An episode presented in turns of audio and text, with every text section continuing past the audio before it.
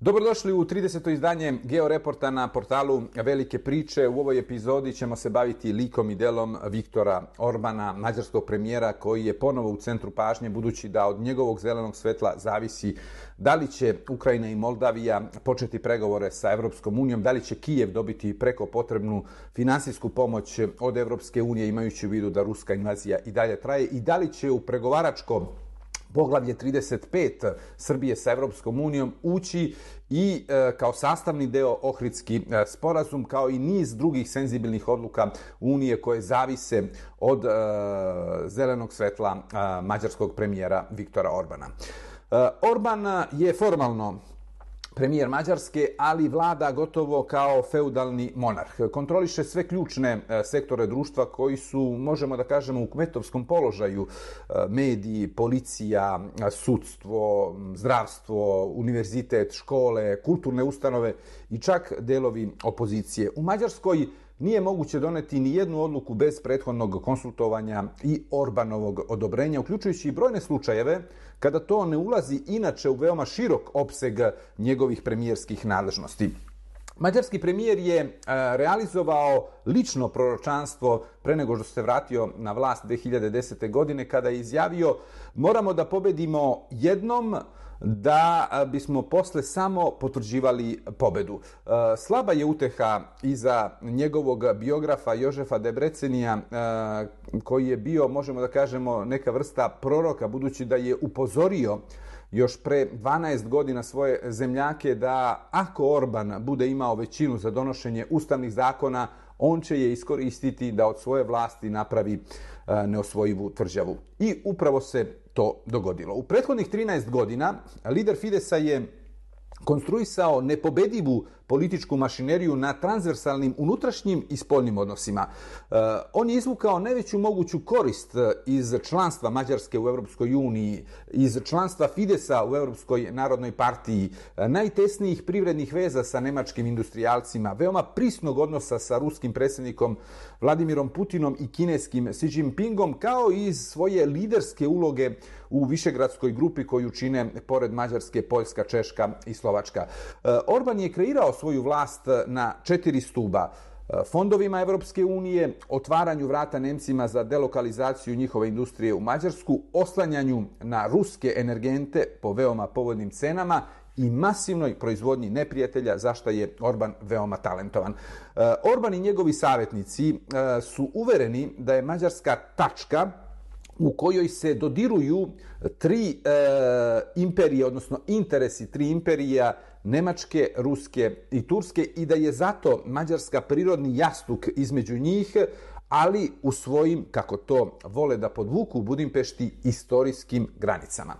Kako izgleda Orbanov režim? Tribun koji sanja da bude Arpad ili Atila našeg doba je konstruisao gotovo perfektni autokratski legalizam. Uh, upravo tako ga je definisala Kim Lane eh, Šepel, autorka eseja The Rule of Law and the Frankenstate, odnosno vladavina prava i Frankenstein država. Eh, Orbanovom režimu nije bilo dovoljno da legalizuje kontrolu medija, već ih je iz razloga predostrožnosti redom servirao u ruke prijatelja tajkuna koji su kupili ili bolje rečeno dobili na upravljanje televizije, novine, portale, radio i tako dalje. E, obrazovni sistem je partijski podjarmljen kapilarno od imenovanja direktora škola i e, profesora na univerzitetima do odobravanja učbenika za škole. Nije ništa zabranjeno, nijedna knjiga ili nastavno sredstvo e, nije bilo stavljeno e, van upotrebe, ali do učenika i učionica može da stigne samo ono što odobri takozvani državni centar za razvoj obrazovanja. Reforma rada je vratila srednjovekovnu formulu, eh, da se tako slikovito izrazimo, kuluka u novom ruhu. Eh, poslodavci u Mađarskoj mogu da traže od radnika 450 sati preko vremenog rada na godišnjem nivou, koje ne moraju da plate odmah, već mogu da ga isplate sa tri godine zakašnjenja. Nastavlja se i sa progresivnim ukidanjem samostalnosti i nezavisnosti pravosudnih organa. Mađarski pravosudni sistem je kontaminiran paralelnim strukturama kroz osnivanje specijalnih e, tribunala ili agencija e, koje nominuje ministar pravde, a pod izgovorom vitalnog značaja za mađarsko društvo. Evropski sud pravde je već osudio Mađarsku zbog ugrožavanja nezavisnosti sudija i tužilaca, ali to nije promenilo tendenciju u Budimpešti. Čak pred e, sljedeće izborne sastanke, posebno pred evropske izbore za Evropski parlament, e, Orban je realizovao nameru da još više zavrne slavinu slobode i pravne države. E, Orban je također patentirao u okviru svoje slikovito rečeno gulaš demokrature proizvodnju neprijatelja kao neophodnog sastojka za održavanje e, potrebne temperature i tenzije u društvu u cilju zadržavanja širokog konsenzusa među njegovim biračima. U prethodnih 13 godina Orban je u svakoj sezoni imao nove dušmane ili nove neprijatelje. E, prvo su to bili socijalisti, dok su još bili ozbiljna politička snaga. Zatim je prešao na migrante, kojima se istini za volju često vraća kad god je to e, neophodno. Zatim su e, krivci, odnosno pretnja svetloj mađarskoj budućnosti postali lobisti i masoni, pa zatim LGBTQ zajednica, pa Romi, e, pa Evropska unija i na kraju Ukrajina i Vladimir Zelenski. Naravno, u svih ovih prethodnih 13 godina glavni neprijatelj um, Viktora Orbana je bio George Soros, američki filantrop jevrejskog porekla i u svim ovim sezonama Soros je imao ulogu najvećeg, najmoćnijeg i najopasnijeg neprijatelja, barem kada je u pitanju narativ eh, Viktora Orbana i njemu naklonjenih medija. Orbanovo političko preobraćanje. Eh, Orban je bio veliki antikomunista i rusofob eh, u mladosti i popularnost je stekao držeći uh, Zapaljiv govor protiv ruske čizme 1989. godine u Budimpešti povodom rehabilitacije mađarskog premijera Imrea Nađa. E, danas je sve bliži e, Vladimiru Putinu i e, Rusiji, a oštricu svoje kritike je uperio protiv birokratskog levijatana koji sedi u Briselu i neodređenih američkih centara moći koji su uvek vezani za liberale i masone i naravno jevrejski lobi. U mladosti je u svemu video sovjetsko-rusku zaveru. Sada je opsednut zapadnom konspiracijom protiv Mađarske jer u EU po njemu ne trpe da Budimpešta sa njim na čelu napreduje i prednjači u regionu.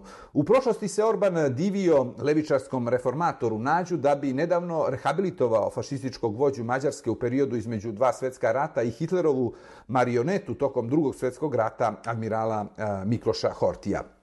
Nekada je Orban bio ateista, danas je veliki vernik. Uh, kalvinista u preambulu uh, novog ustava Mađarske između ostalog je uveo da je Mađarska zemlja koja se temelji na hrišćanstvu, a istovremeno je, i to je veoma interesantno, ojačao svoje veze sa familijom Alijev u Azerbejdžanu i e, lične odnose sa predsjednikom Turske e, Erdoganom. E, Orban je također u mladosti bio veliki liberal. Hans Dietrich Genscher, lider e, nemačkih liberala i evropskih liberala, je u njemu video svog mladog srednjoevropskog naslednika u liberalnoj internacionali, a onda je na opšte iznenađenje eh, Orban preveo Fides u Evropsku narodnu partiju, postao podpredsjednik čak narodnjaka i konzervativaca sa izrazito nacionalnom notom da bi kasnije bio izbačen iz te eh, familije na evropskom nivou. Eh, jednom je Orban bio zatvoren, odnosno vatreni zagovornik evropskih integracija, dok je danas još vatreniji pobornik čuvanja svake mrvice nacionalnog suvereniteta. Pre 15 godina se zalagao za slobodno tržište, privatizaciju, privatne inicijative, dok se u posljednjih nekoliko godina preorijentisao i zalaže se za nacionalizaciju E, svega što je moguće nacionalizovati, uključujući čak i privatne penzione fondove, e, oporezovao je dodatno strane banke i zagovara državni e, intervencionizam u privredu. Na početku svoje karijere Orban je bio globalista širokih vidika, Sorošov stipendista na Oksfordu, a danas se zalaže za nacionalizacije i zakletije antiglobalista. Zašto Orban pobeđuje na izborima? E, majka svih e, izbornih triumfa Fidesa od 2010. godine pa na ovamo je izborni sistem. E, pogotovo raspored i kompozicija 106 izbornih jedinica u kojima se bira po većinskom principu 106 od 90, odnosno 199 poslanika. Preostala 93 mesta se popunjavaju proporcionalno po Dontovom sistemu koji favorizuje najjaču stranku, tim pre što E, su izborni pragovi za ulazak e, stranaka i koalicija u mađarski parlament e, izuzetno visoki. Orbanova vlada je previše od 10 godina kreirala izborne jedinice po svojoj meri i zahvaljujući principu pobednik odnosi sve, Fidesu je dovoljno da osvoji 43% glasova da bi imao apsolutnu većinu, dok je drugim političkim snagama potrebno preko 53% da bi bili u prilici da sami formiraju vladu, odnosno bez Orbana.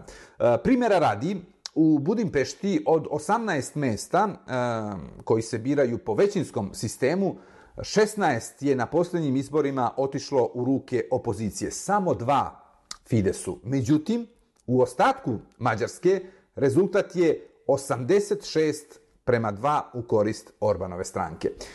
Sljedeći izborni trik Orbana je bio davanje državljanstva i posljedično upis u biračke spiskove svih Mađara ili potomaka Mađara u Slovačkoj, Ukrajini, Rumuniji, Srbiji i Hrvatskoj.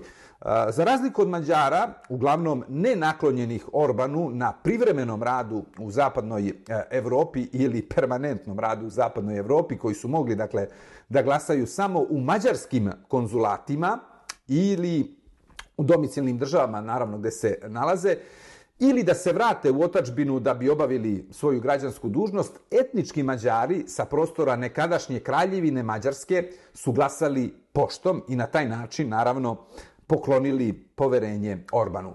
E, na kraju ne treba podceniti e, ni činjenicu da u Mađarskoj nema gotovo nijednog medija, javnog ili privatnog, koji nije pod direktnom ili indirektnom kontrolom Orbana ili privrednika koji su njemu bliski. E, paradoksalno, koliko je teško naći u Europskoj uniji mediji koji govori pohvalno o Orbanu, Toliko je zahtevan posao pronaći televiziju, novinu, radio ili portal u samoj Mađarskoj koji nije otvoreno na strani premijera. Budući na, da na izborima u Mađarskoj glasaju Mađari, odnosno građani Mađarske, a ne građani zapadnoevropskih članica Evropske unije, rezultat e, na izborima, odnosno rezultati na prethodnim izborima od 2010. pa sve do prošlogodišnjih parlamentarnih izbora ne predstavljaju nikakvo iznenađenje, ni najmanje.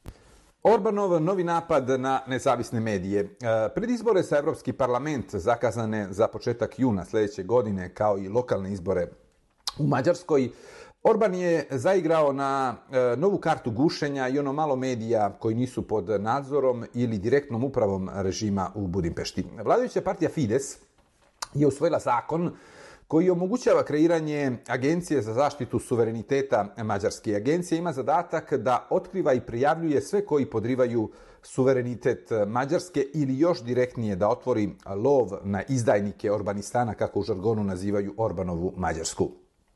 Nije teško zamisliti e, ko će biti pod lupom nove agencije ako se ima u vidu da je sam Orban na proslavi 30-godišnjice fondacije kraj veka ponovio da su najveći neprijatelji e, suverenosti Mađarske zapadni liberalizam, nevladine organizacije i stranke koje rade za Evropsku uniju i Sjedinjene američke države. Šta više, da Mađarska neće biti sigurna dok Zapad e, bude pod hegemonijom liberalizma. E, mađarski lider je po uzoru na Putina i ruska zakonska rešenja obeležio sve organizacije i medije koji prime iz inostranstva više od 23.500 evra u toku jedne godine kao inostrane plaćenike. Kogod se ne slaže e, sa politikom zvanične Budimpešte, za Orbana je Sorošev plaćenik, peta kolona e, Evropske unije ili nemački i američki sluga u zavisnosti ko je na vlasti, naravno u Berlinu, odnosno u Vašingtonu. U Mađarskoj, to je tačno, ne hapse novinare kao u Turskoj. E, poslanici e, javne reči ne, ne nestaju i niko ih ne prevaspitava kao u Kini, e, ne ubijaju ih kao u Rusiji, pa opet je rezultat, možemo da kažemo, isti. E, sem par magazina i portala koji nisu nužno kritični prema Orbanovom režimu, svi su na uzici i u službi zvanične politike Budimpešte. Orbanov decembar u Evropskoj uniji. Premijer Mađarske se nalazi uh, u ćošku evropske politike, ali je ubeđen da ima nekoliko dobitnih uh, karti u rukama i da bi uh, mogao da izađe iz veoma nepovoljne situacije.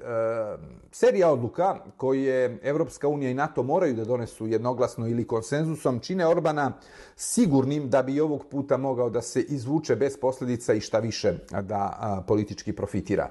E, pravo veta u telima e, Evropske unije i NATO-a je Damoklov e, mač od kojeg jedni zaziru, a drugi poput Orbana vide savršeno oružje za ispunjavanje ličnih i nacionalnih agendi. Do kraja godine Evropska unija mora da odobri osmi paket pomoći Ukrajini od 500 miliona evra, zatim da odobri fond od 20 milijardi evra za naoružavanje Kijeva, kao i paket od 50 milijardi evra pomoći E, Eh, Kijevu, od kojih bi jedna trećina bila bespovratna, a dve trećine bi bilo plasirano kroz veoma povoljne eh, kredite. Istovremeno, Mađarska ima mogućnost da blokira reviziju budžeta Evropske unije, odnosno izdvajanje 15 milijardi evra za migracionu i eh, spoljnu politiku Evropske unije. Tu je naravno i pitanje Švedske, koja treba da uđe u NATO i koja čeka još uvek zeleno svetlo od Mađarske i Turske. Posebno pitanje je prihvatanje predloga Evropske komisije da se počnu pregovori o članstvu Ukrajine i Moldavije sa Evropskom unijom od strane Evropskog saveta. Podsjetimo, ta odluka mora da bude jednoglasna I osim Mađarske i Slovačke, koje su se eksplicitno izjasnile da su protiv takvog predloga, tu su i druge države koje imaju određene rezerve, ali ne žele da, izađe, da izađu u prvi plan, tim pre što Mađarska i Slovačka mogu same da odlože početak pregovora sa Ukrajinom i Moldavijom. EU je pokušala da od blokiranjem 10 milijardi evra za Mađarsku od Orbana, međutim, mađarski premijer po svom ustaljenom običaju tvrdi pazar do kraja. Njegova odluka o Ukrajini, ali i Bosni i Hercegovini i, i Srbiji će zavisiti od toga da li će ostati sam ili će imati javnu ili tajnu ili prećutnu podršku nekih drugih članica Evropske unije.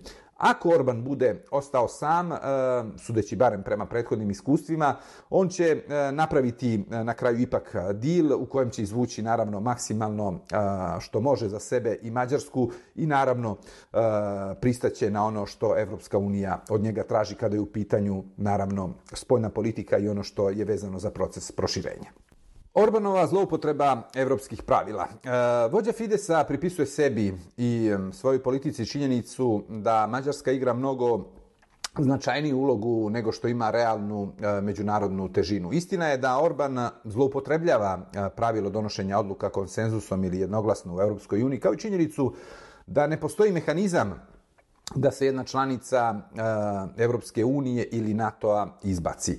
U toj lagodnoj poziciji uz eh, ucene i trgovinu e, sa neophodnim glasom ili konstruktivnim pristupom u telima Evropske unije i NATO Orbanu relativno često polazi za rukom da isposluje ono što je zamislio i da ne plati danak ili da limitira štetu. Praktično ne postoji odluka bilo da se radi o EU ili NATO koji Orban ne pokušava da pretvori u nekakvu dobit. E, bilo da se radi o izbjegavanju mera Evropske unije protiv e, Budimpešte ili podizanja e, blokade sa fondova Evropske unije, čija je isplata obustavljena zbog Orbanovog flagrantnog podrivanja stubova pravne države, nezavisnog pravosuđa i takođe ugrožavanja slobode medija. Politika ucena i korišćenja konsenzusnog i jednoglasnog donošenja odluka u Evropskoj uniji i NATO-u za ostvarivanje ličnih interesa E, kreirali su Orbanu veliki broj neprijatelja, tim pre što je već 13 godina neprekidno na vlasti u Budimpešti.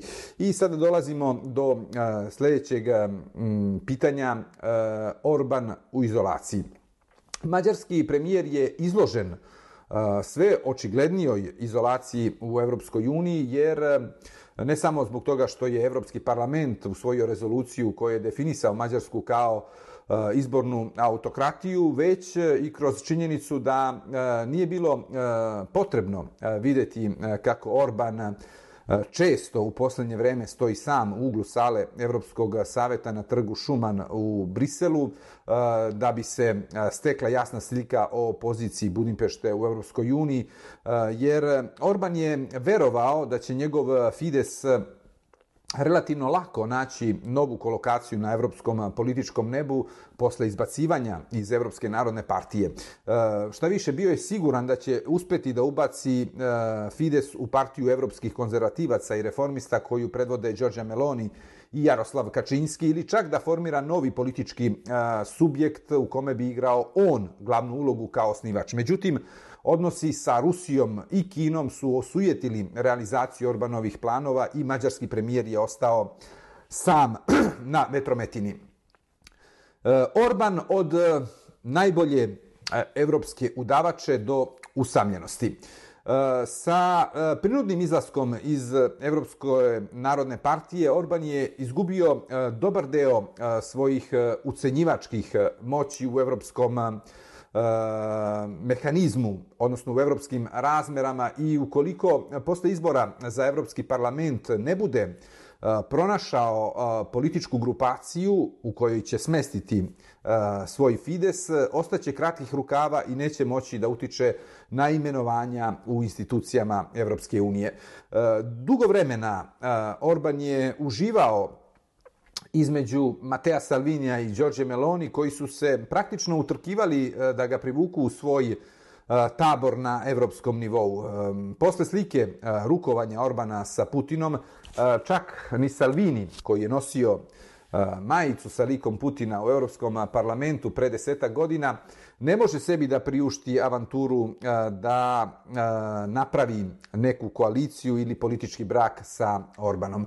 Da ne govorimo o Melonijevoj koja je dočekivala Orban na partijskim skupovima u Italiji kao najradije viđenog gosta, a sada ga zaobilazi u širokom luku, naravno iz veoma pragmatičnih razloga i zbog stavova njenih najvažnijih koalicijonih partnera u Evropskoj partiji konzervativaca. E, na ruku Orbana nisu išli ni porazi e, njegovih e, saveznika, poput Janeza Janše u Sloveniji ili serije partija u pribaltičkim republikama. Paralelno, neuspeh španskih narodnjaka i Voxa da osvoje vlast u Madridu je potopila barem za sada ideju o stvaranju savezništva na kontinentalnom nivou između demohrišćansko-narodnjačke i populističko-konzervativne desnice. Za Mađarsku, odnosno za mađarskog izbornog autokratu, kako ga je definisao Evropski parlament, je od fundamentalnog značaja da uvrsti, dakle, Fides u neku od političkih grupacija koje će odlučivati o raspodeli funkcija uh, u Evropskoj uniji, tim pre što je slučaj hteo uh, da Budimpešta bude predsjedavajuća uh, Evropskom unijom u drugom semestru 2024. godine, o čemu ćemo i reći nešto za neki minut. Orbanova Mađarska kao svetionik evropskih suverenista.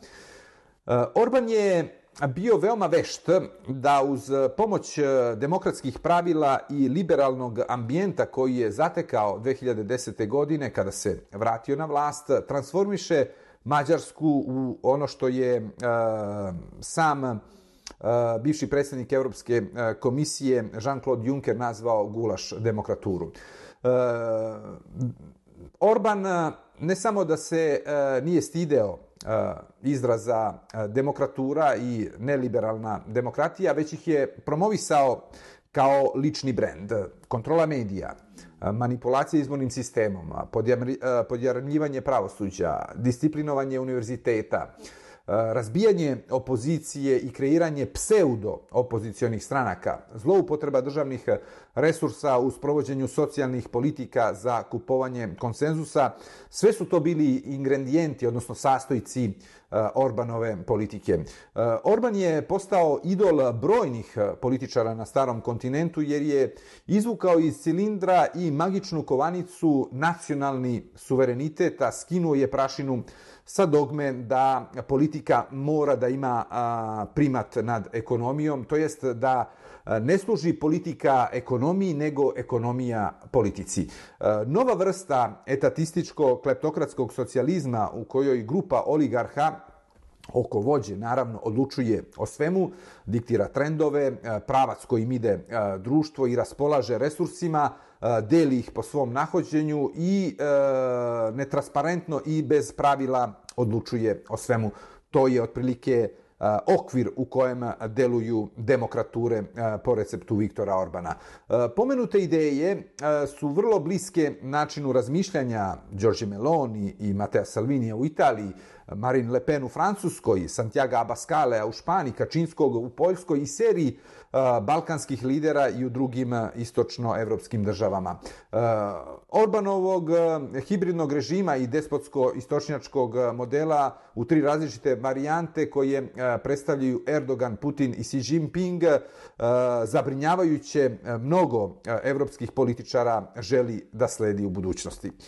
Mađarski premijer nije samo uzor za danas, već i za budućnost suverenistima i populistima u zadnjem vagonu Evropske unije ili u čekaonici koja se e, često koristi kao e, metafora za Zapadni Balkan. E, naime, Orban je u više navrata stavio do znanja da onog momenta kada Mađarska počne da uplaćuje više novca u kasu Evropske unije od sume koja, koju iz nje povlači kada članstvo u Evropskoj uniji ne bude donosilo jasne ekonomske benefite, Budimpešta neće čekati e, mnogo da pokrene postupak e, za izlazak e, iz Evropske unije i Takva politika može da bude veoma zapaljiva i kada je u pitanju proces proširenja, odnosno Mađarska može da se pretvori u velikog kočničara procesa proširenja Evropske unije.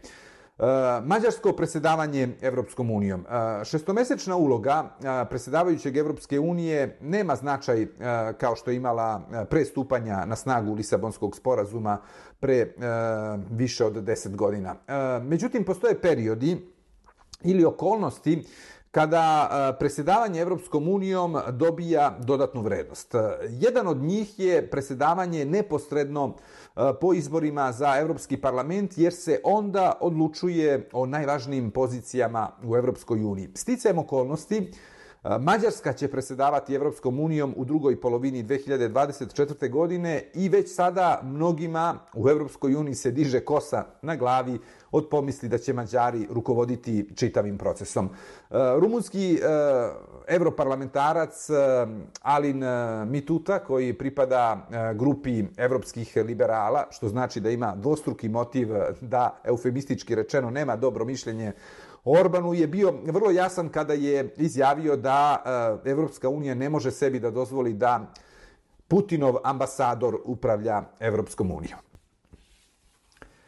Orban i Višegradska grupa. Tokom svoje eh, dugogodišnje vladavine Orban se nametnuo kao lider Višegradske eh, grupe, preuzimajući u dugim periodima tu ulogu od e, poljskih lidera koji po logici stvari i e, veličini značaju Poljske bi trebalo da budu prirodni e, lideri te grupacije.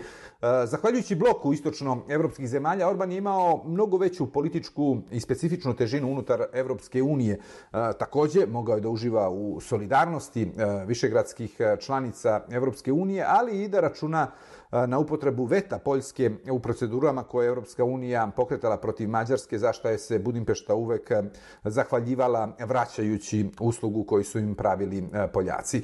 Međutim, Ruska agresija na Ukrajinu je kompromitovala u dobroj meri odnose između Varšave i Budimpešte, budući da Jaroslav Kačinski, stvarni lider Poljske u prethodnom periodu, s jedne strane nije želeo da zatvori vrata Orbanu, ali nije mogao ni da pređe preko njegovih izrazito rusofilskih i pro-Putin stavova, tako da je neizbežno došlo do zahlađenja odnosa koji će imati i novu epizodu i postati još e, izraženiji budući da će novi premijer Poljske biti e, Donald Tusk. Za razliku od Mađarske e, u kojoj je rusofobija, možemo da kažemo, splasnula posle ulaska te zemlje u Europsku uniju, uprkos invaziji iz 1956. godine koju su Mađari pretrpeli, U Poljskoj e, je rusofobija u posljednje dve godine, odnosno od e, ruske agresije na Ukrajinu, doživjela e, svoj vrhunac. Povratak na vlast Donalda Tuska će označiti i kraj višegradske grupe kakvu smo uh, poznavali do sada. Uh, Tusk je, podsjetimo, definisao uh, režim u Budimpešti kao frik demokratiju i on svakako ne podleže Orbanovom šarmu, kao što je to bio slučaj sa Kačinskim, koji je na kraju krajeva lider partije Pravo i Pravda u Poljskoj i platio gubitkom izbora. Ehm, bez e, dominantne uloge u e, višegradskoj grupi, e, Orban će biti značajno slabiji u samoj Evropskoj uniji i u tim unutrašnjim raspodelama moći i odnosa snaga. Jedina uteha Orbanu je činjenica da neće ostati sam i u Višegradskoj grupi i u Europskoj uniji, pošto je umeđu vremenu u Slovačkoj eh, formirana vlada na čelu sa Robertom Ficom, koji deli dobar deo svetonazora i pozicija eh, Viktora Orbana. Eh, Orban i Putin Prijateljstvo Orbana sa Putinom je skorijeg datuma. Njih dvojica su prvi put ozbiljno razgovarali na Kongresu Jedinstvene Rusije 2009. godine u Moskvi. E, socijalisti e, Ferenca e, Đuračanja su do tada bili hajde, možemo tako da kažemo, privilegovan sagovornik Kremlja u Mađarskoj. Međutim, po povratku na vlast 2010. godine, Orban je pokrenuo neku vrstu svoje istočne politike i otvaranja prema Rusiji i Kini. Uprkos svojoj rusofobnoj e, mladosti i antiruskim e, govorima koji su imali e, veoma snažan uticaj na mađarsko društvo i koje su na kraju krajeva doneli popularnost Orbanu krajem 80-ih godina prošlog veka, Orban je u roku od samo nekoliko godina postao privilegovan i najpoželjniji partner e, Moskve u Evropskoj uniji i zato je nagrađen naravno veoma povoljnim, da ne kažemo niskim cenama gasa i nafte. E, koliko je e, Orbanova propaganda moćna i delotvorna, pokazuje činjenica da je on uspeo da transformiše i mađarsku desnicu koja je bila vekovima antiruska i antikomunistička u drugoj polovini 20. veka i e, da e, tu vrstu, dakle tog antiruskog, antikomunističkog stava pretvori u antizapadni i antievropski stav. E, od povratka na vlast Fidesa e, 2010. godine e, Mađarska je doživjela najveću eroziju demokratije, pravne države i slobodnog društva u istoriji Evropske unije. E, naš severni sused je postao školski primer E, kako e, kleptokrati e, mogu da podriju demokratski i liberalni sistem koristeći njegove resurse i pogodnosti uz minimalne ili gotovo nevidljive posljedice, stvarajući neku vrstu autokratskog legalizma, kako bi to rekla Kim Lane Šepel. Usud Orbanove Mađarske je eklatantan primjer da članstvo u Europskoj uniji ne garantuje samo po sebi pravnu državu, slobode i demokratiju kao ni uh, udaljavanje od Rusije i Vladimira Putina. Orbanova pozajmica Miloševićeve krilatice. E, čovek koji vedri i oblači panonskom e, nizijom već 13 godina ne li bi se da poredi Evropsku uniju sa Sovjetskim savezom i to na obaležavanju godišnjica invazije sovjetskih trupa na Mađarsku. Eh, Orban od eh, povratka na vlast eh, širi fobiju u Mađarskoj da Evropska unija i Sjedinjene američke države rade protiv Mađarske i da oni ne napadaju Mađarsku zbog Orbana, nego Orbana zbog Mađarske. Premijer Mađarske je dakle pozajmio krilaticu Slobodana Miloševića koji je od Srbije i, i Srba kreirao kontinentalne otpadnike uh, izolacionističkom međunarodnom politikom i kleptokratskom uh, stilu uh, vođenja države u posljednjoj deceniji 20. veka. Uh, Orban je političar koji uh, figurativno uh, u petak, dakle, bude u Pekingu uh, sa Xi Jinpingom i jedini zvaničnik Evropske unije na crvenom tepihu, U subotu zagrli Putina, u nedelju održi govor da je liberalizam najveća pošast, a u ponedeljak ode u Berlin na poverdiv sastanak sa nekoliko drugih premijera država članica Europske unije i predsjednikom Europskog saveta Charlesom Michelom, na kome se raspravlja o reformama unutar Europske unije. To je upravo primjer Orbanove gulaš demokrature. Orbanov i mađarski nacionalizam. E, mađarski nacionalizam je veoma snažno političko gorivo. E, prošlo je više od e, 100 godina od Trijanonskog sporazuma, a Mađari još nisu preboleli gubitak e, dve trećine teritorije, izlazak na more i tada polovinu su narodnika koji su ostali da žive u okolnim državama. Nije slučajno da države sa e, značajnom mađarskom manjinom poput Slovačke i Rumunije nisu priznali jednostrano proglašenu nezavisnost Kosova ni posle e, 14 godina. E, o ukorenjenosti e, ekstremnog nacionalizma među Mađarima govori činjenica da je nova partija, pokret naša otačbina Lasta Torockaja, inače osnivača neofašističkog omladinskog pokreta 64 županije, prešla izborni cenzus i ušla u parlament na obali Dunava u Pešti. E, Torockaj je iskoristio skretanje ka centru Jobika i ulaska nekadašnje e, ultradesničarske stranke u opozicijonu koaliciju da se e, pozicionira na ekstremnoj desnici i da uzme e, taj deo glasača. U jednoj članici Evropske unije trenutno nemamo e, stranku koja je toliko desno kao pokret naša otačbina, šta više Samo je zabranjena grčka zlatna zora bila u rangu e, Torockajevog pokreta, a to je definicija neonacističkih stranaka. Orbanov lament nad Trijanonom i zašto zemlje sa brojnom mađarskom manjinom ne priznaju Kosovo. E, kao što Putin nije stvorio današnju Rusiju, tako ni Orban nije stvorio današnju Mađarsku, nego ona njega.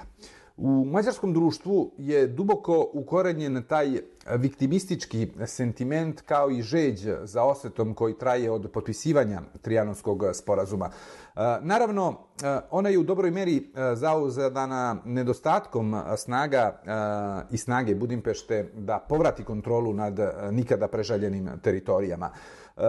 Taj prostor u svesti Mađara je upravo osvojio Orban, dajući im privid da će njegova politička uh, filozofija i politički angažman uh, koji u dobroj meri oponaša ruski mir ili ruski svet, stvoriti preduslove za triumfalni uh, povratak nekadašnjeg srednjoevropskog kraljevstva. Ideja Orbana je da pobode zastavice svuda gde ima Mađara u Komšiluku i da ih uh, učvrsti uh, E, ekonomskim i kulturnim vezama čekajući povoljan moment za, e, što bi španci rekli, rekonkistu. E, sam premijer Orban je nekoliko puta ražestio Hrvate, Srbe, Slovake, Rumune, Ukrajince, E, držeći govore u kojima je lamentirao nad Trianonom ili objavljujući karte Kraljevine Mađarske pre poraza u Prvom svetskom ratu na svojim profilima e, na društvenim mrežama. Na pompeznom obeležavanju stogodišnjice Trijanonskog sporazuma Orban je doslovno rekao da je Zapad e, silovao hiljadugodišnje granice i istoriju centralne Evrope i da je Zapad primorao Mađarsku da živi u neodbranjivim granicama, e, lišavajući je njenog prima, e, prirodnog blaga i oduzimajući joj sve one resurse koji su neophodni da bi jedna zemlja mogla sebe da smatra sigurnom i osuđujući, kako kaže Orban, na taj način Mađarsku na sigurnu i dugu smrt.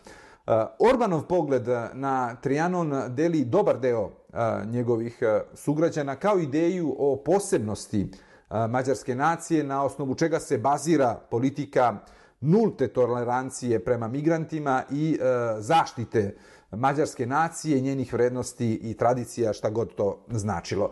Eh, mađarski premijer gaji eh, dakle, kult žrtve eh, zapadne hegemonije koja je nemilosrdno kaznila Budimpeštu posle Prvog svjetskog rata oduzimanjem, kao što smo rekli, dve trećine teritorije, tri petine stanovništva, izlaska na more, 60% poljoprivrednog zemljišta, 80% šuma, 62% železničke mreže, 56% fabričkih postrojenja i 3,5 e, miliona e, etničkih Mađara koji su ostali da žive van granica e, Matice. Orban te cifre citira kao pesmicu pokazujući kuda je pokvareni zapad odveo i kakve je imao posljedice negativne trijanotski sporazum za Mađarsku.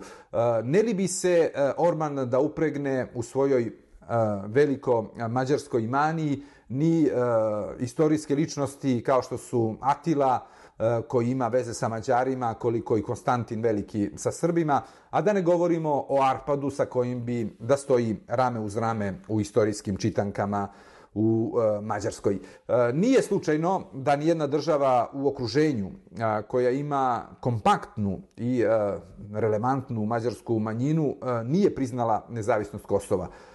Ni članice Evropske unije, Rumunija i Slovačka, a ni Ukrajina. Ni Bratislava, ni Bukurešta, ni Kijev ne brane međunarodno pravo i teritorijalni integritet Srbije zbog Beograda, nego isključivo zbog sebe jer ne žele da serviraju Mađarskoj presedan koji bi sutra mogli da upotrebe protiv njih samih čim se ukaže povoljan moment.